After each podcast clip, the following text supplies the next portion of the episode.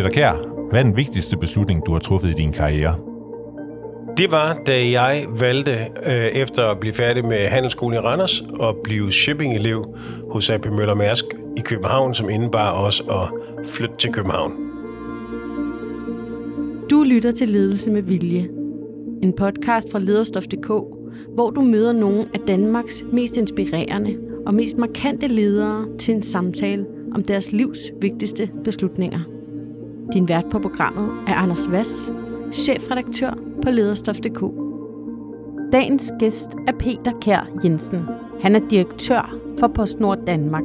Han startede sin karriere som shipping-elev for AP Møller Mærsk som helt ung, og har siden haft en imponerende international lederkarriere. Hør, hvordan Peter Kær Jensen formåede at tage to MBA'er samtidig med sit topjob og tre små børn hjemme hos sin kone i denne uges udgave af Ledelse med Vilje. Peter Kær, hvad kendetegner dig som leder? Det er et godt spørgsmål. Jeg tror, det der, det, der kendetegner mig, det er, at jeg er meget klar i mailet. Jeg tror, jeg bliver set som værende, jeg håber, jeg bliver set som værende visionær og inspirerende, men alt, overalt, så tror jeg faktisk, jeg bliver set som en autentisk leder. Altså, what you see is what you get. Øh, jeg putter ikke med noget. Jeg siger ting, øh, som de er. Øh, jeg synes, jeg taler med respekt for dem, jeg taler til, men også med en selvtillid i forhold til, hvor jeg gerne vil hen. Og nu siger du, what you see is what you get, men det her det er jo en podcast, så, så hvad er det, man ser? Jamen, det man ser, det er en person som en leder, som, som lytter til, hvad folk har at sige, som stoler på, at øh, når ting er uddelegeret, øh, så stoler jeg på, at folk har styr på deres forretning, men som samtidig også hele tiden gerne vil være informeret omkring, kan du sige, hvad der sker, og sørge for, at alle ligesom er, øh, kæmper for at komme i den samme retning. Jeg tror også, at jeg er en, en leder. Det er jeg helt sikker på, at folk vil sige, at jeg er karakteriseret ved et stort niveau af humor og selvironi. Jeg har ikke noget problem med at, at kaste mig selv under bussen som den første, for det kan man også bruge som et ledelsesværktøj til at sige, jamen, så kan man også, hvis man først har kastet sig selv under bussen, så gør det heller ikke så ondt, hvis man peger lidt fingre af nogle andre, hvis der er noget, man gerne vil have gjort lidt anderledes. Så det, det tror jeg er, er der, hvor man er. Men jeg vil også frem, frem for alt fremhæve, at jeg tror, jeg også bliver set som en leder, der du ved, der har en plan, øh, der har et punkt ude i horisonten, som vi hele tiden bevæger os mod. Det er ikke så vigtigt for mig, hvordan vi flytter os øh, hver eneste dag en lille bitte smule. Det har folk fuldstændig styr på, men at vi alle sammen bevæger os i den samme retning, det er ret vigtigt. Nu taler du om, om noget af det, du gør som leder på de, på de høje navler. Hvor meget er du deroppe, hvor, hvor ledelse er øh, værdier og strategi, og hvor meget er du en konkret leder, der bruger de redskaber, du har oparbejdet gennem din karriere? Svaret må vel være ja. øh, jeg tror, jeg er begge dele, men jeg er meget omkring øh, værdier. Værdier er utrolig vigtige for mig, og det har været måske noget af den største øh, hjælp, jeg har haft i, øh, i min karriere. Øh, det har været det her med, at jeg har nogle meget faste værdier, så hvis du bliver presset nok, øh, så kan du altid falde tilbage på dine værdier. Altså en af mine, faktisk en af mine chefer engang, det bedste råd, jeg synes, det var et elendigt råd, da han sagde det til mig, og jeg er heller ikke helt sikker på, om han selv var klar over, hvor godt det råd det var. Han sagde, det var en gang, hvor der var sådan en situation, hvor jeg skulle bestemme mig for, øh, skulle vi gøre det, som vi ville tjene flest penge på, men som øh, nok ikke var helt fint i kanten, nødvendigvis, eller at gøre det, som ville ligesom være den rigtige at gøre. Så man sagde, Peter, when in doubt, do the right thing. Øh, og så sad man der og tænkte, hvad fanden vil jeg få et svar? Det fik jeg ikke meget ud af. Men jo mere jeg tænkte over det, mere klar for det blev, mig, blev det for mig, hvad, hvad det rigtige svar var, og do the right thing. Det, det er ret vigtigt for mig. Så det står, det ved han ikke selv, men øh, jeg er ikke engang sikker på, at han ved, at han har sagt det. Men øh, hvad hedder det? Det står for mig som rigtig, rigtig vigtigt. Jeg er jo også helt nede i materien, og jeg vil godt vide, hvordan vi kører ruter og så videre, og hvad der sker, og performance og produktivitet per dag, per mand, per bil, per og så videre, og så videre fordi jeg synes, det er spændende, og det er vigtigt for mig at forstå, hvordan det virker. Nu siger du den der med do the right thing. Nu skulle jeg være en utrolig dårlig interviewer, hvis øh, jeg ikke bad dig om at være helt konkret. Øh, og kan, kan du pege på, øh, på enten det eksempel eller et andet, hvor du har siddet og tænkt, jamen det vi tjener flest penge på i morgen, det er det ene, men jeg vil gå den anden vej. Vi har jo været igennem en relativt stor turnaround, og der vil jeg da sige, der har der været øh, muligheder for, hvor vi kan sige, jamen, vi, vi kunne da sikkert godt spare nogle penge ved at holde os til loven i, hvordan vi gør ting. Øh, altså jeg tænker øh, ansættelseslov og så videre, af, afskedelsespakker. Og der har jeg, der har jeg jo bare sagt, well, vi skal have respekt for de folk, som har arbejdet for os i lang tid. Når vi går igennem strukturel forandring, som vi går igennem, så er det jo ikke, når folk forlader os, så er det jo ikke, fordi det er dårlige folk overhovedet. Man kan altid performance manage nogen ud, men hvis det er et par tusind eller fire, så er det jo ikke performance management, så er det strukturelt. Der skal være respekt for den tid, folk har været her. Man skal faktisk sørge for at være utrolig ærlig med dem, men man skal også behandle dem ordentligt. Og det kan godt ske.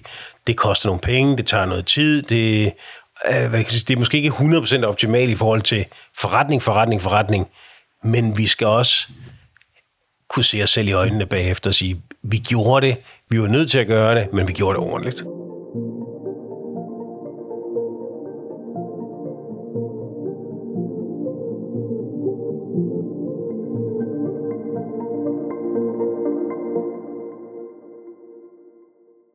Peter Kjær, du startede med at sige, at øh, den største beslutning i din karriere i virkeligheden var, man kan næsten kalde den, øh, den første, du traf, øh, nemlig da du efter handelsskolen øh, bliver øh, shipping-elev i Mærsk. Vil du fortælle lidt mere om, hvorfor du vælger det, og hvad det har givet dig? Ja, det var egentlig, jeg sad jo der på andet år af HH, jeg var færdig med min gymnasiale uddannelse, og tænkte lidt, hvad jeg skulle. Jeg meldte mig ind på øh, kant, øh, hvad hedder det, Kantmærk eller HA i Aarhus, øh, på Aarhus Universitet, mest fordi jeg ikke rigtig vidste, hvad jeg skulle. Jeg vidste godt, at jeg skulle tage et sabbatår, skulle jeg rejse rundt, men jeg havde ikke rigtig nogen penge. Og så var jeg sådan lidt ude i, men der er også nogle af de her virksomheder, hvor som faktisk giver dig penge for at rejse verden rundt. Og det synes jeg jo som 18-årig var jo fænomenalt. Så jeg søgte ind hos, øh, jeg tror det var AP Møller Mærsk og Lauritsen og YK, som de jo hed dengang, og et par Samsung Transport, som blev til DSV øh, og så videre, og fik faktisk en del af de her jobs, og jeg var stadigvæk, sad sådan lidt på gæret, og så en gang så ringede de til mig fra Samsung Transport i Aarhus, øh, og sagde, har du tænkt dig at tage det her job, for vi vil gerne have dig? Og jeg sagde helt ærligt, jeg ved det faktisk ikke, fordi nu har jeg også fået nogle tilbud fra, fra de der ØK og AP Møller Mærs, som jeg følte ikke rigtig vidste, hvem de var, udover at de havde nogle fine annoncer i Jyllandsposten. Øh, hvad hedder det? Og så siger han, ved du hvad, hvis du kan komme ind i det der AP Møller og Mærsk, deres program, det er det bedste i verden. Og så tænkte jeg, hvis, hvis konkurrenterne siger det, så må der skulle være noget om det. Så det, det betød meget for mig dengang. Og jeg vil sige tak til øh, hvad hedder sådan noget, personalechefen fra Samsung Transport 1989. Så jeg tror sgu, han har været definerende for mig i forhold til at ja, vælge det, som i hvert fald for mig virkede rigtig godt. Det kan godt ske, at de andre også havde virket fint, men det her virkede i hvert fald rigtig godt for mig. Og hvordan blev det første skridt mod at være Øh, direktør for postvæsenet? Jamen, det blev det, fordi at jeg kom jo ind i en, øh, i en kultur. Vi fik så mange ledelsesredskaber i, øh, i AB Møller Mærsk i de her de næste år. Øh, både i, i den her elevtid, man havde i København, også, øh, også internationalt. Efter to år blev jeg sendt til New York. Så kom jeg til Polen i 7-8 måneder, og så var jeg et halvt år i Ukraine. Der var jeg faktisk landeschef i Ukraine på det tidspunkt. Øhm, og der var jeg 23. Jeg var lige fyldt 23. Altså, og skulle til møde med udenrigsministeren i Ukraine og så videre, de må have kigget på mig som om, altså, who in the world is this guy, ikke? Altså. Og du kommer jo, som du siger, fra, øh, fra at have været øh, gymnasieelev eller handelsskoleelev i, i Randers, og så over i det her professionelle setup. Hvordan ændrede det dig? Jamen, det ændrede, jeg vil sige, det ændrede mig overhovedet ikke, og det ændrede mig fuldstændig brutalt. Altså, jeg tror, værdisættet samme, men i hele den der... Altså, jeg har jo aldrig set et slips da jeg ramte København, altså, øh, og forsøge at binde det, det var, da, det var jo en massiv challenge.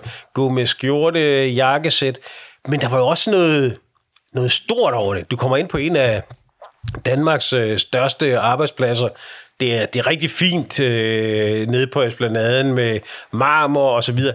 Møblerne, de har inde på kontoret, er jo pænere og dyrere end dem, du havde derhjemme, ikke? Altså, du ved, så, så det er jo en eller anden form for, hvor man sidder og tænker, hold da op, altså det her, det, det, kan, det kan virkelig noget. Så kommer du ind blandt nogle folk, som, øh, og ingen disrespekt til alle mine andre skolekammerater hele vejen igennem, men altså, du har jo valgt nogle folk, som bare alle sammen vil det her rigtig, rigtig meget.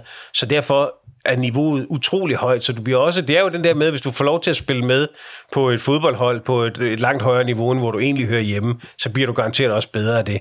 Og over tiden, så lærer du at, høre, og passe, passe ind på hold, og ikke bare være reserve. Og, og så vil jeg sige, over tid kan du endda måske blive en af de ledende folk på, på banen, for at nu blive fodboldmetaforen. Øh, du siger, at du havde øh, end ikke øh, prøvet at binde et slips før, da du øh, kom til København og øh, AP Møller. Hvad er det, du kommer fra? Jeg kommer fra et, øh, hvad hedder sådan noget, et skilsmissehjem i Randers. Øh, det skal ikke lyde som noget dårligt. Det tror jeg, da min mor og far blev skilt, da jeg gik i første klasse, tror jeg. Øh, der var, der var de, de eneste forældrepar i min klasse, der var skilt, og jeg tror, jeg følte mig meget sådan underlig. Og jeg tror, seks år senere var alle sammen skilt, mere eller mindre. Det var nok en overdrivelse. Det var, vi, det var ikke et fattigt hjem, men vi havde bestemt ikke på sådan en øh, indkomst synderligt mange penge. Øh, jeg tror egentlig, der i 70'erne ville min mor, så vidt jeg husker, faktisk kunne få flere penge, hvis hun bare lå være med at arbejde.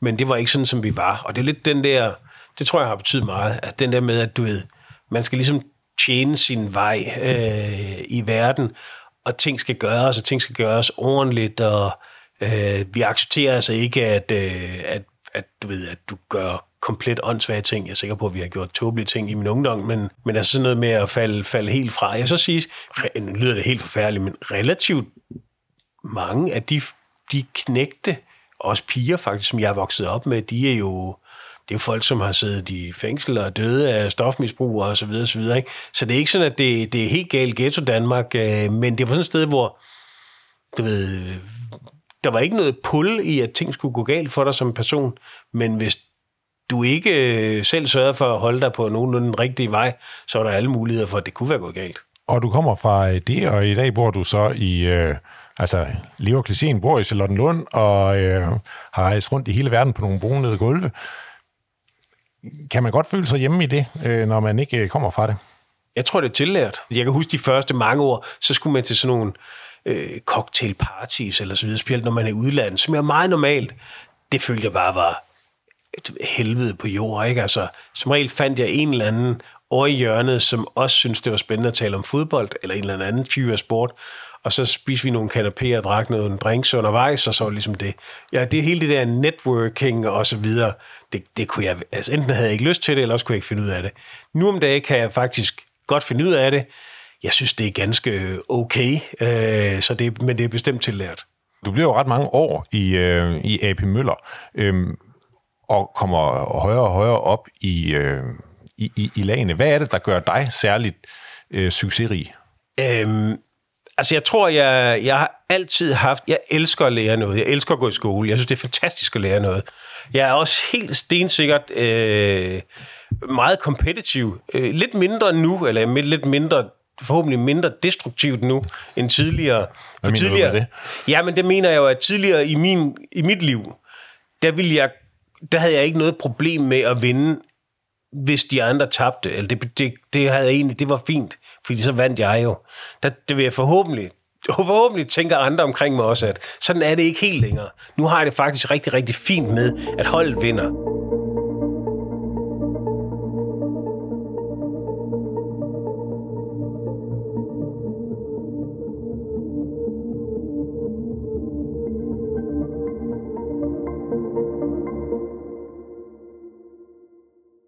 Det er jo dig selv, der har været med til at, øh, at, at vælge de her største beslutninger i din karriere, og øh, det næste, vi skal tale om, det er sådan set øh, noget, der er sket undervejs, øh, hvor man kan sige, at øh, du øh, sagde nej til universitetet øh, efter handelsskolen.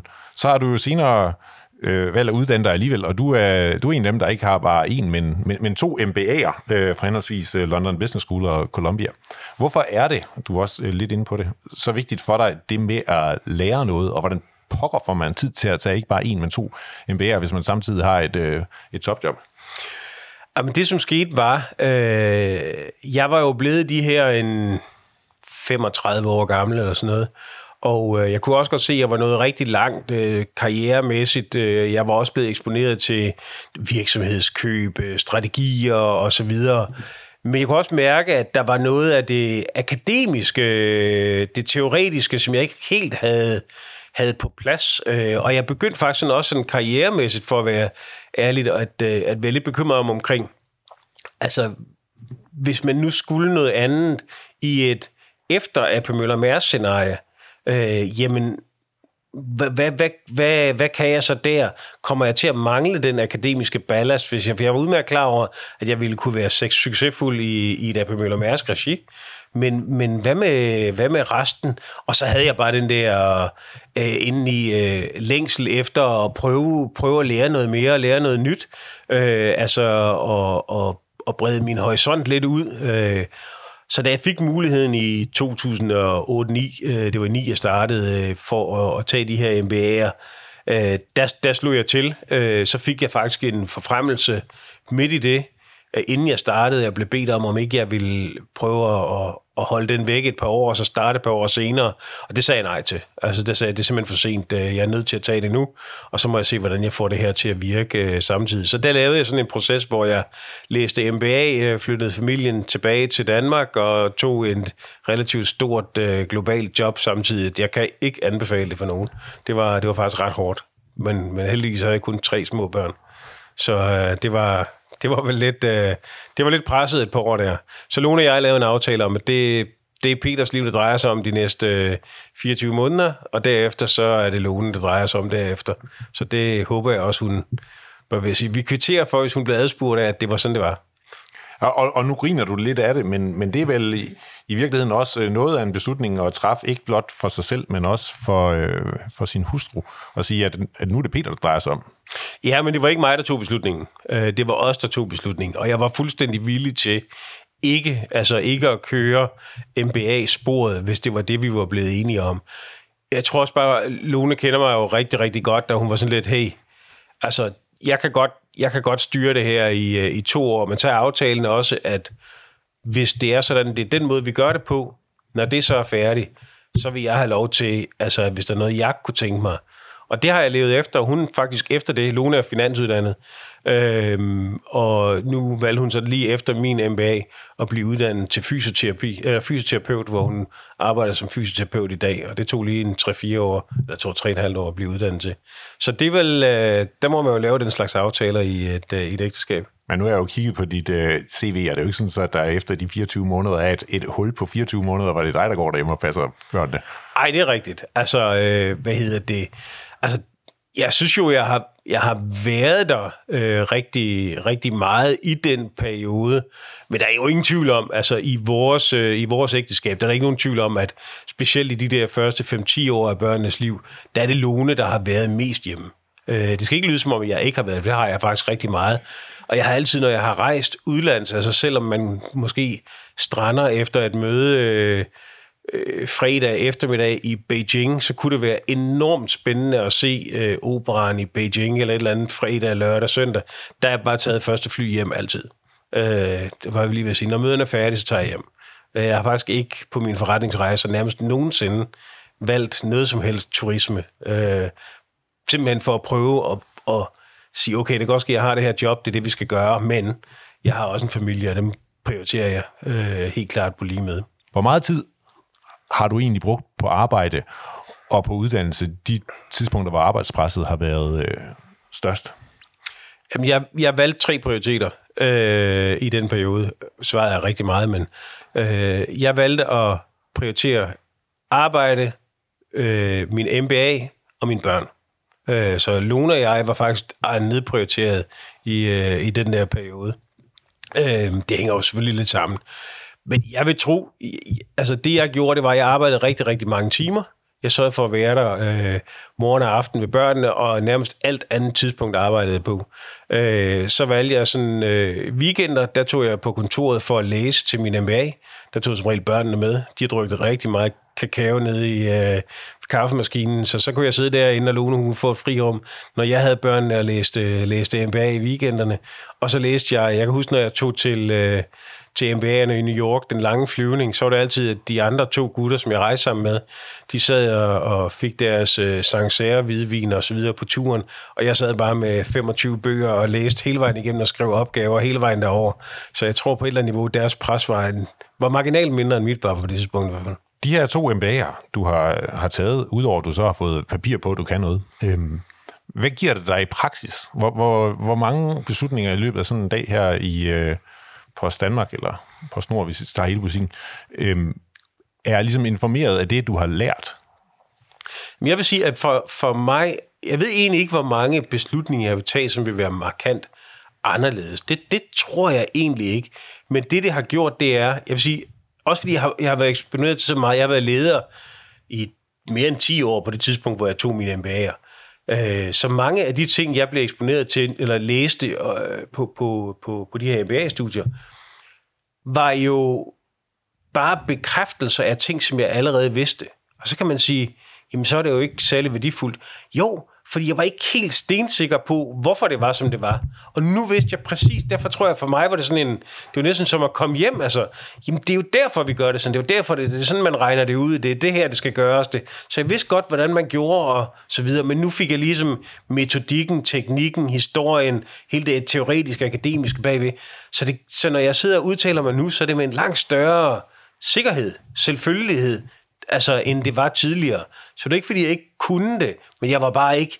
Jeg havde sådan en... Øh, usikkerhed omkring, er det nu også helt rigtigt? Hvordan er det nu, det hænger sammen? Hvad nu, hvis de stiller mig et spørgsmål om, hvordan jeg har regnet det ud, agtigt, så kan jeg måske ikke helt svare. Der føler jeg mig på noget mere sikker grund efter, efter de to MBA'er. Og så er det bare, altså specielt amerikanerne, vil jeg sige, det hele deres, altså deres Ivy League øh, universiteter, altså de kan bare noget hold op, hvor er de dygtige, og de ressourcer, de har til rådighed, er jo, er jo altså, faktor 50-100 af, hvad de store skoler i Europa har.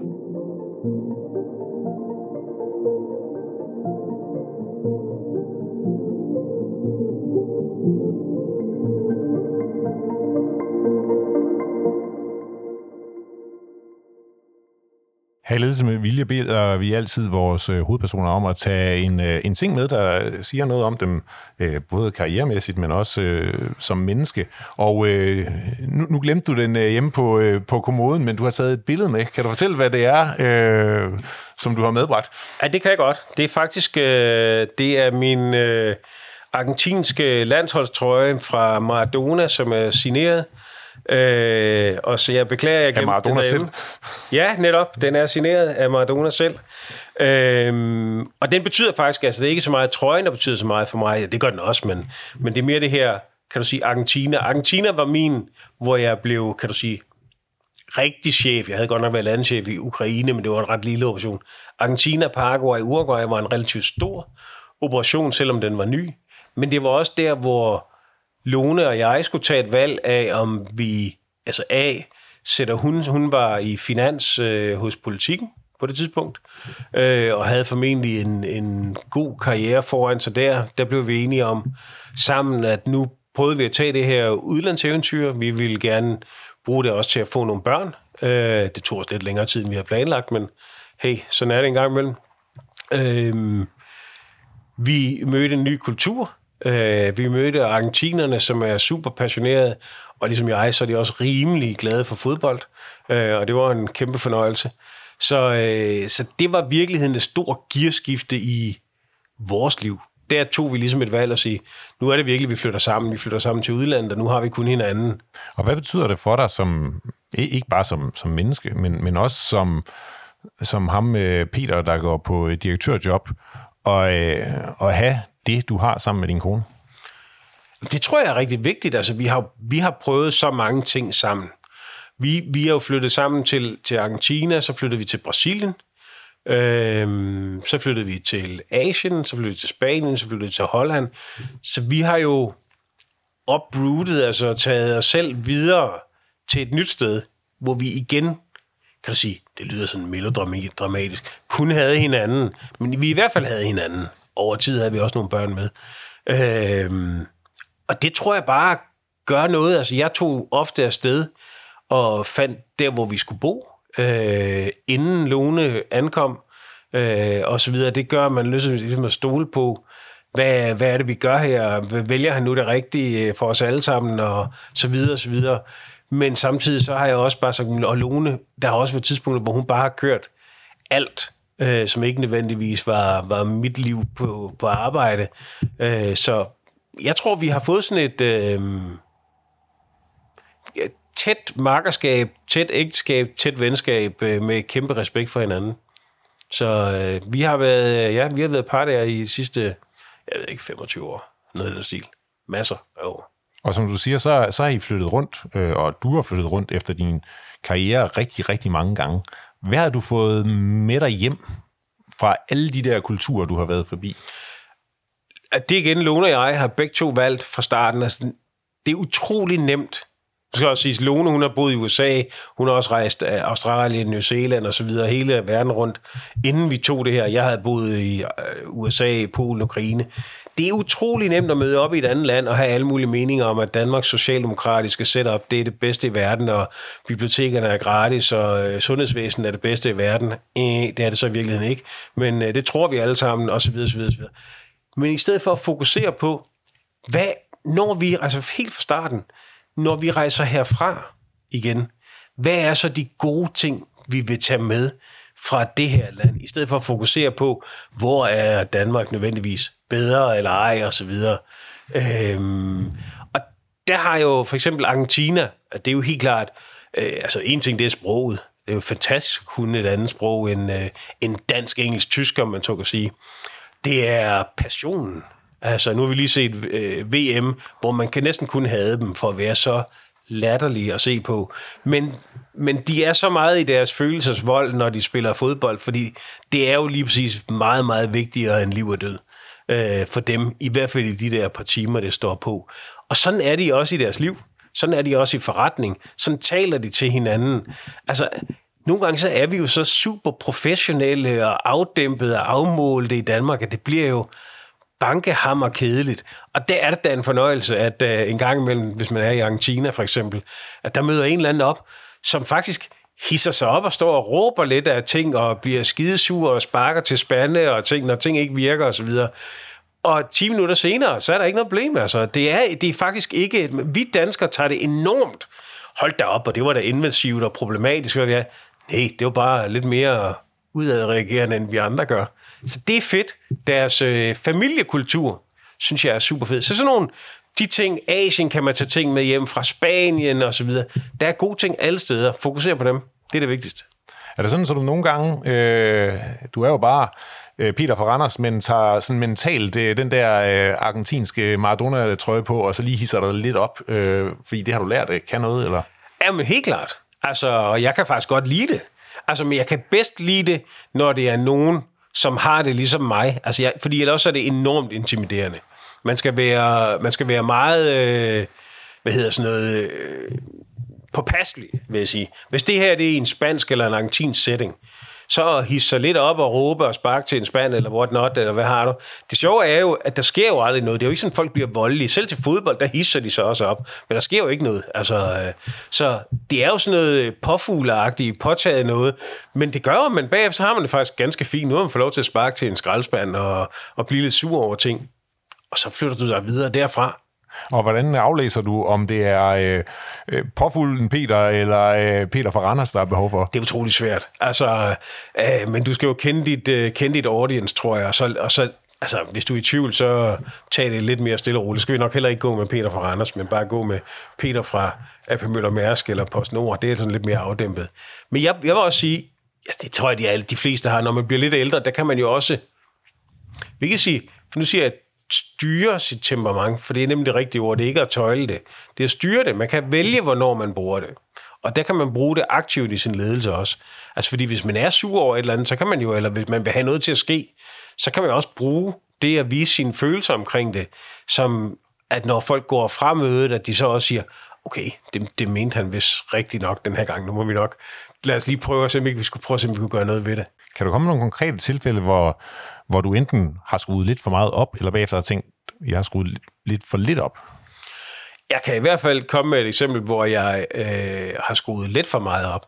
Og det var en gang øh, i vores koncern, øh, hvor vi havde en fyr, som var chef for det, der hed Enterprise Risk Management. Og øh, hvilket jeg jo synes var exceptionelt dyrt at have full-time people på. Øh, og han skulle præsentere det for mig, så jeg kunne øh, kommentere omkring, hvor i den der riskmatrice, øh, jeg nu synes forskellige risici var, og så videre. Og det tror jeg, jeg, jeg, jeg har taget med med min CFO, og jeg fik sagt et eller andet, eller prøv lige at høre, ikke hans navn siger vi ikke her, prøv lige at høre, når jeg ser dig, så ser jeg en omvandrende kolonne af omkostninger, og jeg er ikke helt sikker på, hvilken værdi jeg får ud af dig. Hvorfor kommer du ikke ned og arbejder for mig og får et rigtigt job? Det tænker jeg bagefter, det tænker jeg, okay, jeg må nok heller lige gå op og tale med ham. Det var måske kom sgu nok lidt forkert ud, det der. Øh, massiv øh, disrespekt for hans funktion, job og så videre. Men jeg var bare så frustreret over, at vi brugte så meget tid på administration og byråkrati og, øh, og måle os selv på ting, som vi jo inderst inde ganske udmærket ved, hvad er, og vi på ingen måde bør have så mange folk og ressourcer og omkostninger bundet op omkring.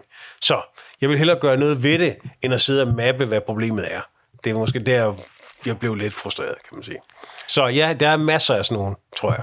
Hvis man skal spørge lidt øh, kritisk til det, så kan man jo også sige, at øh, det, det var også meget fornuftigt at lige analysere, hvad det er for en situation, man, man står i. Hvad siger det om dig, at du, altså, du vil hellere bare gøre noget ved det, end måske i virkeligheden, at det første, du går til, det er lige at undersøge hele billedet? Jamen, det siger jeg, jeg kan jo godt lide, at ting sker. Jeg er også helt klart en person, som, og også en leder, som... Øh, jeg vil meget hellere have, at vi prøver nogle ting, ser hvad der virker, øh, kommer tilbage og siger, at vi har prøvet fem ting, øh, de her tre ting virkede ikke, de andre to kører vi med. Fint, end at vi sidder og navlepiller og studerer i øh, 6-12 måneder og laver et pre-project review, eller hvad fanden vil jeg. Altså, vi, vi dør jo af kedsomhed, inden vi nogensinde når derud. For eksempel har vi jo lavet den her virksomhed, der hedder Nordic Infrastructure, med alle pakkeboksene. Altså, der kan man jo sætte sig ned og lave sådan nogle øh, densitetsanalyser og demografi- demografiske analyser af income thresholds, og hvem tror vi, der køber noget, og hvad vi er. Man kan jo for fanden også bare stille boksen op, og så se, hvad for nogle af dem, der bliver brugt, og hvad for nogle af dem, der ikke gør. Ikke? Altså, det er sådan lidt, altså metode, det, og det er ikke fordi, det er jo ikke altid den rigtige løsning. Altså, hvis du skal bygge en ny, i, i det nuværende job, hvis du skal bygge en ny pakketerminal, så skal vi nok ikke prøve at bygge en i Køge og se, hvordan det går, vel? Fordi øh, den skal vi ligesom have de næste 30 år, så den må vi nok godt studere lidt længere, ikke? Men hvis det er sådan nogle individuelle beslutninger, hvor meget er det egentlig operationelt, så er jeg stor øh, proponent for, at, at det kø- vi kører på, vi prøver det, vi ser, hvad det virker, det der ikke virker, det lukker vi bare ned igen.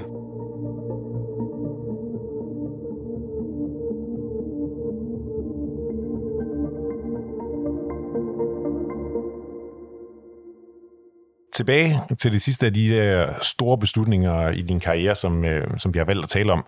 Det er ikke overraskende, da du øh, siger ja til at blive øh, administrerende direktør for øh, Post Danmark, altså den danske del af, af PostNord. Du har sagt øh, tidligere, at det, du, altså, at det var du faktisk ikke helt sikker på. Det er rigtigt. Årsagen til, at de første gange, jeg blev kontaktet omkring det, det er, at jeg sagde nej, det var fordi, jeg kunne godt se, situationen i Post Danmark, som den var. Altså det her, det ville blive rigtig, rigtig hårdt, og det ville komme til at tage længe. Altså vi havde kæmpe problemer. Ikke alt sammen bare fordi vi var enormt dårlige til at køre forretning eller noget som helst, men bare fordi, hvis du har en rigtig, rigtig stor forretning, hvor 50-70 procent af din omsætning forsvinder med brevene, lige pludselig på et år eller to, det er næsten umuligt at gøre noget ved uh, hurtigt nok. Så, så det kunne jeg godt ligesom se, det bliver nogle hårde år, de skal igennem. Men øh, til sidst, så, så tænkte jeg, okay, det her, det kan godt ske, det er det rigtige for mig. Det, som var, var min bekymring, var, A, øh, havde jeg det, der skulle til? Øh, og B, er, er det overhovedet muligt? Altså, kan det simpelthen kan det lade sig gøre at få det her øh, vendt rundt og blive til noget? Jeg blev bare mere og mere varm på ideen, som jeg tænkte over det. Jeg tænkte, det her, det, det er det, det, er det, der skal til. Det er det, jeg skal.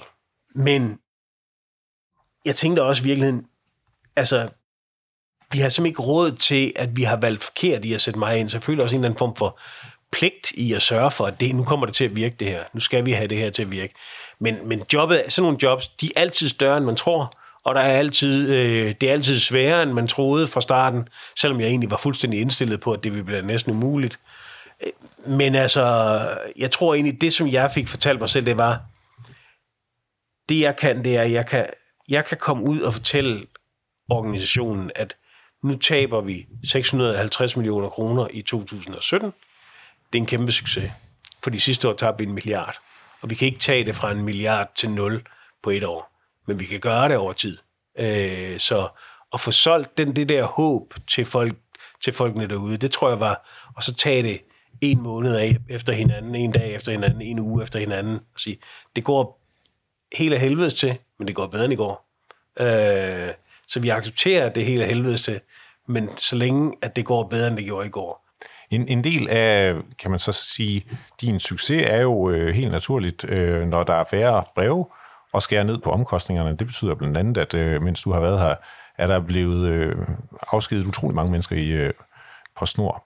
Hvad betyder det for dig, og hvordan er det at være leder i en organisation, hvor hver gang, eller mange gange i hvert fald, når du er ude øh, hos folk, så er det med et budskab om, og i øvrigt, så er der en del af jer, der kommer til at miste jeres job. Jamen, jeg tror, da jeg startede, øh, der var det sådan, alle vidste godt, det skulle ske. Det lå sådan, det hang i væggene øh, alle steder. Det var ikke rigtig nogen, der ville sige det. Øh, sådan følte jeg det i hvert fald.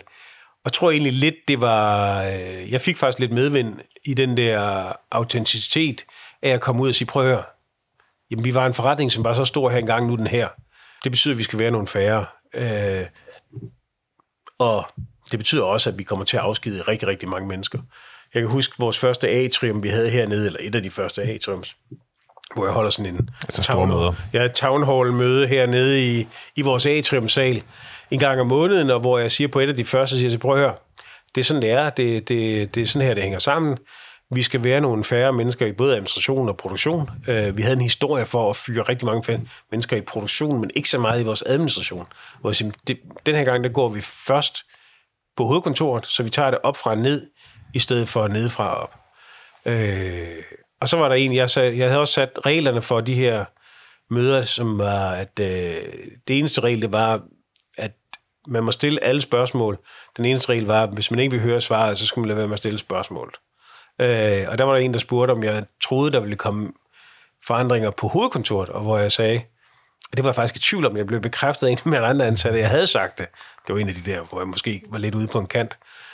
At jeg havde åbenbart sagt, kig, kig jeg rundt, øh, find en, en kollega og giv dem en knuser, fordi om et, øh, et år eller to, så er de her ikke længere, eller så er du her ikke længere. Øh, og så tror jeg nok, jeg fortsat, og det er jeg sikker på, at jeg gjorde, vil sige, men det er ikke en dårlig ting. Danmark er et godt land. Der er øh, liv uden for murene. Vi skal nok sørge for, at folk kommer ordentligt videre. Øh, vi har gode folk. Når du fyrer så mange, så er det ikke, fordi folk er dårlige. Øh, og vi skal nok sørge for, at vi også er referencer og så videre for dem. Og det har virket rigtig, rigtig godt. Og jeg tog den der en lille smule længere for at lægge effekt på at sige, og det vi har behov for, det er, når vi så fyrer folk, så har vi faktisk behov for, at I bliver her. Helt indtil den dag, I skal gå.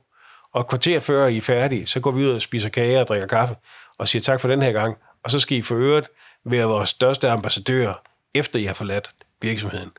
For ellers, så virker det ikke. Men jeg tænker, det godt kan være svært nogle gange som øverste chef at sætte en positiv stemning et sted, hvor nu sidder vi her på, øh, på det, jeg vil sige, og jeg har efterhånden en del erfaring med øh, toplederkontor, at det er måske det mindst præsentøse af det. Øh, det ligger på anden sal i en bygning med, udsigt, med en udsigt over en mark på, på Amager. Du er lige flyttet herover, fordi I har sagt farvel til etagen over. Tidligere var det sådan et stort, pompøst byggeri inde i det centrale København. Den her følelse af en virksomhed i afvikling. Hvordan gør man det til noget, hvor man har lyst til at kæmpe fremad? Men det gør man ved at fortælle fortællingen om, at det ikke er en virksomhed i afvikling. Øh, at det faktisk er en virksomhed, som er i en gigantisk transformation. Jeg er faktisk lidt træt af folk, der taler om, at deres virksomhed er i transformation, og så de vil op på deres produktrange eller sådan noget lignende. Det har ingen skid med transformation at gøre. Vores virksomhed er på vej igennem en transformation, som er, at vi er en gammel brev legacy-organisation og på vej over mod at blive en logistik-organisation. Det betyder, at vi kommer til at have nogle helt andre produkter med en helt anden organisation, med nogle helt andre produktionsmetodikker, metoder, maskiner, lokationer. Kunderne er ikke de samme. Afsender kunderne, modtager kunderne, det hele er forskelligt nu har du et meget positiv øh, tilgang til det. Jamen, det her det er en transformation, og vi er ikke på vej i, øh, i afvikling. Vi er ved at udvikle sig, men, men altså, alle erfaringer viser jo, at det kan man godt stå og sige, men den følelse, der sidder tilbage i rigtig, rigtig mange, det er jo at, typisk, at jamen, jeg har faktisk ikke lyst til at komme et andet sted hen. Jeg har det her job, fordi jeg er glad for det. Mm. Så hvordan får man medarbejderne med på det? Det er jo sådan den her for, det er jo forandringsledelse på turbo. Ja, om det gør man ved at fortælle de der de positive historier. En ting, det er jo selvfølgelig det med finansielle resultat. Det kan man godt spinde relativt positivt. Du gør det også ved at skabe en, en korpsånd, eller en, en, det er os mod verden. Øh, altså, hvis ikke vi alle sammen er med nu, så lukker vi. Altså, vi har, vi har behov for dig. Øh, det er at række ud til de individuelle folk derude emotionelt og få dem til at være altså følelsesmæssigt committed til at være med på den her rejse. Vi har brug for, at alle de gør alt, hvad de kan hver dag, for at det her det lykkes. Vi er i det her sammen, om man så kan sige. Det er lidt, du fortæller sådan en historie omkring, og det er jo ikke en falsk historie, fordi det vil de kalde bluff på et splitsekund, omkring at vi, der er ikke nogen, der kan lide os, da det var aller værst. Ikke? Vores image var det værste i verden, vores employee engagement var det værste i verden, vi havde en omsætning, der var faldende, et resultat, der var dårligt. Det hele. Øh, og det er jo noget, som du starter jo der i bunden, og så starter du med at fortælle historien af, hvad, hvad vi bygger op hvad det er, vi gør. Pludselig i 2000 og slut 19, starten af 20, der begynder omsætningen at vokse igen. Fordi nu begynder vores logistikforretning efterhånden at være store nok til, at de vokser mere, end brevene falder. Du, så du får en fortælling om, hm, nu vokser virksomheden igen. Vi begynder at blive flere mennesker. Vi ansætter folk, øh, i stedet for kun at reducere hele tiden. Øh, vi kan se vores image op. Vi er tilbage op til nummer et på pakkerne i Danmark. Position, vi har tabt fra GLS og alt det der. Vi er tilbage, du ved, vi er tilbage, så 2020, 2021 begynder vi også at tjene penge. Altså, der kan du se, at organisationen det giver en gigantisk boost øh, for organisationen, at de kan se, at det her begynder at virke. Det, man så skal passe på, det er den der med, det betyder så ikke, at vi, we are not back in the good old days. Altså, de der the good old days, hvor vi kunne printe penge med brevene osv., kommer aldrig tilbage. Logistik er et andet game. Det er, altså, det er et hårdt spil hver eneste dag. Og som jeg også plejer at svare, når folk de spørger, men Peter, hvorfor tror du, at vi kan vinde? Så siger jeg, det er fordi, vi er nødt til at være smartere end de andre, og hvis vi ikke er smartere, så står vi tidligere op og går senere i seng. Så må, hvis vi ikke er kloge nok, så må vi bare arbejde hårdere. Det er den eneste måde, vi har at vinde på her i det her marked. Så øh, tag den, og øh, så var vi ved at sige, spænd skoen og kom i gang. Altså, det, det kunne jo også godt lyde som, hvis man skal tage de negative briller på, som, som, som lidt en, øh, en killer at gå rundt og sige øh, til sine folk, at hvis det ikke går godt nok, så skal du arbejde øh, hårdere. Jo, men ja, det ved jeg ikke, og jeg vil sige, hvis du er 3F'er, så får du nok betaling per, per time anyway, så det går jo nok for dig. Der er jo sikkert også noget af min, hvad vil jeg sige, i selv, øh, hvad hedder sådan noget, analysens øh, kraft, min, min retorik, der, der er faldet på tør klippejord derude, ikke? Men det har mere været den der, altså I skal give, hvad I har. Øh, hvis vi ikke er smartere end de andre, så er vi nødt til at være dygtigere. Peter Gær, man når jo ikke hertil, uden at have truffet en række øh, gode, rigtige beslutninger. Træffer man ikke også nogle gange nogen, der bare er helt åndssvage? Det gør man bestemt, og jeg har også truffet min øh, del af dårlige beslutninger. De fleste af dem kan man heldigvis bare sige, om det virkede ikke, og så kører vi tilbage, og så er der nogle af dem, det kan man sådan set ikke. Og øh, hvis jeg skulle nævne en, så vil det være lige da jeg startede her i øh, Post Danmark, Øh, der har man jo lavet en ny aftale med postloven om, at øh, brevene ikke længere skulle gå øh, dag til dag, men skulle gå øh, inden for fem dage. Og øh, i samme moment, der lukkede jeg for øh, reklameaviser og så videre.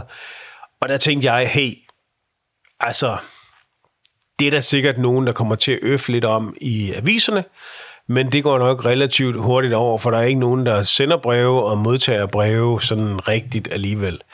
Det kan jeg bare sige, altså, det var forkert.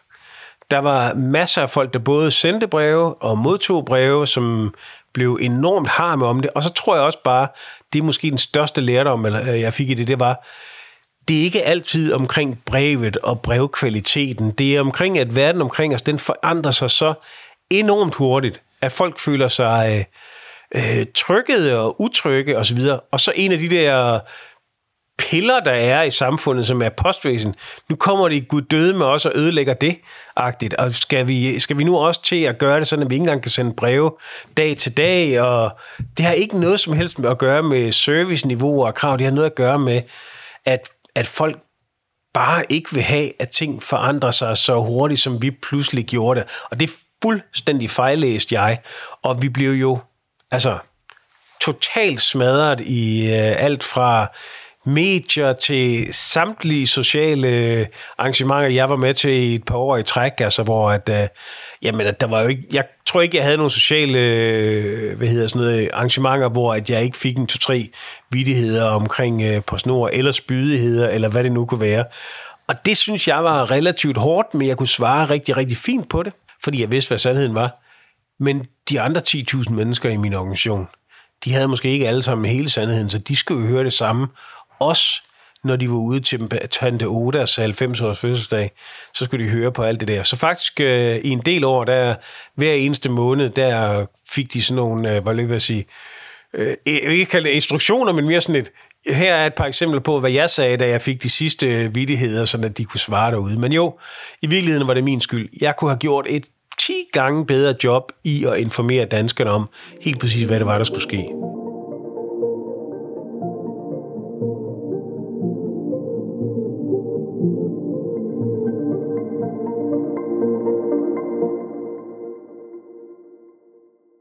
Vi slutter altid ledelse med vilje af med at spørge, hvad det er for nogle beslutninger, du står foran. Der er nogle stykker. Og man kan vel sige, at vi har taget på snor i Danmark fra øh, katastrofens kant til en nogenlunde velfungerende, robust virksomhed, som, som begynder også at levere nogle rimelige resultater. Det vi skal finde ud af nu, det er, hvordan bliver vi dem, der absolut leder det her marked? For vi er jo størst, så hvorfor er vi ikke dem, der gør det bedst? Øh, og det bliver, det bliver de ting, vi skal tage nogle beslutninger om, og det har noget at gøre med virksomhedsstruktur. Altså skal vi øh, singulere og splitte pakkevirksomheden ud for sig, så den ikke længere hænger sammen med prøvevirksomheden? Spørgsmålstegn, det er lidt uafklaret indtil videre. Men det bliver også nogle spørgsmål øh, omkring hvad gør vi med vores øh, med digitalisering? Altså, hvordan, hvordan kan vi blive et fyrtårn i digitalisering? Ikke bare i Danmark, faktisk. Øh, sjovt, øh, at vi skal være dem, der digitaliserer, for det er det, der har slået vores brevforretning ihjel, men at vi i hele vores logistikforretning går på at digitalisere hele vores afsender kundeinterface, modtager kundeinterface. I kender forhåbentlig PostNords app osv. Alting skal kunne styres derfra. App, chat, onboarding, du skal kunne se alle de pakker, du nogensinde har fået, hvordan er det gået med dem kvalitetsmæssigt, alt det her. Alt skal styres, øh, skal styres digitalt. Og lige så snart vi begynder at være bare moderat succesfulde i det her, det er vi sådan på vej til, så skal vi begynde at kigge på, skal vi så ekspandere ud af Norden? Øh, eller skal vi ekspandere inden for Norden ved at købe noget op, hvis vi overhovedet må? Eller hvordan, øh, hvordan sætter vi, om man skal sige, turboen på, at det er os, der kommer til at flyve i de, øh, i de øverste øh, luftlag. Og så skal jeg, så på, på et personligt plan, skal jeg jo blive enig med mig selv om, hvad skal min rolle så være det? Ja, for det her er et job, du skal gå på pension fra? Helt sikkert ikke. Øh, og det siger jeg ikke, fordi jeg, jeg ikke er glad for at være her. Jeg er utrolig glad for at være her. Jeg er utrolig stolt over, hvad vi har nået. Jeg, det har givet mig så meget, og jeg synes faktisk, at, at den organisation, vi har, de mennesker, vi har, er, det er imponerende, hvor meget var ved at sige, smerte, de har kunne udstå fra mig og, og omverdenen i løbet af de sidste 4-5 år. Så, så stor kado til dem. Men der kommer også et tidspunkt, hvor, altså enten, i hvert fald kan du sige, enten skal jeg jo, det er bare den måde, jeg virker på, enten skal jeg opfinde eller skabe den næste mission af, hvordan gør jeg nogle af de ting, som jeg lige har talt om, for PostNord i Danmark, eller også skal jeg lave noget andet, og så skal der komme en anden ind, og så skal, som skal tage det her over og tage det videre. Ja, det, er ikke, det her det var ikke min øh, afsked, bare roligt, øh, eller don't get your hopes up, alt efter hvem, hvem I er. Øh, men, øh, men hvad hedder det? Det tror jeg bare er vigtigt, at man som leder også ikke bare tager en dag efter den anden, en uge efter den anden, en, en måned efter den anden. Den her organisation har fortjent at den person, der sidder ved, ved roret, det er også en, der er 1000% switched on og har en, en, en helt klar plan for fremtiden. Og det skal jeg være sikker på, at jeg er den rigtige til fremad også. Tak for det, og tak fordi du var med i Ledelse med Video. Tak fordi jeg måtte være med.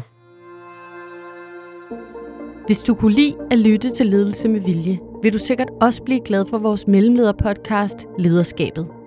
Hør for eksempel programmet med Maja Nyvold, der har en udfordring med at spotte mistrivsel og overdrevet arbejdspres, når hun leder sine medarbejdere gennem skærmen. Der skal være en virkelig god grund til, at man ikke tager kamera på. Fordi hvis folk sidder og kan gemme sig bag skærmen, så ved man jo ikke engang, om de hører efter, eller om de er engageret i den samtale, eller laver noget andet. Så, øh, så det er de, men det er de små tegn for selv bag en skærm, så er det nemmere at skjule sig, end hvis du lige går over og tager fat i en ved siden af kaffemaskinen og siger, hey, hvordan har du det egentlig i dag? Og jeg ser, at du arbejder meget. Er det okay, eller bliver det for meget nu? Lederskabet, en mellemlederpodcast, giver både gæsten og dig, som lytter med, inspiration til, hvordan man kan blive en bedre leder. Lederstof.dk udgives af lederne.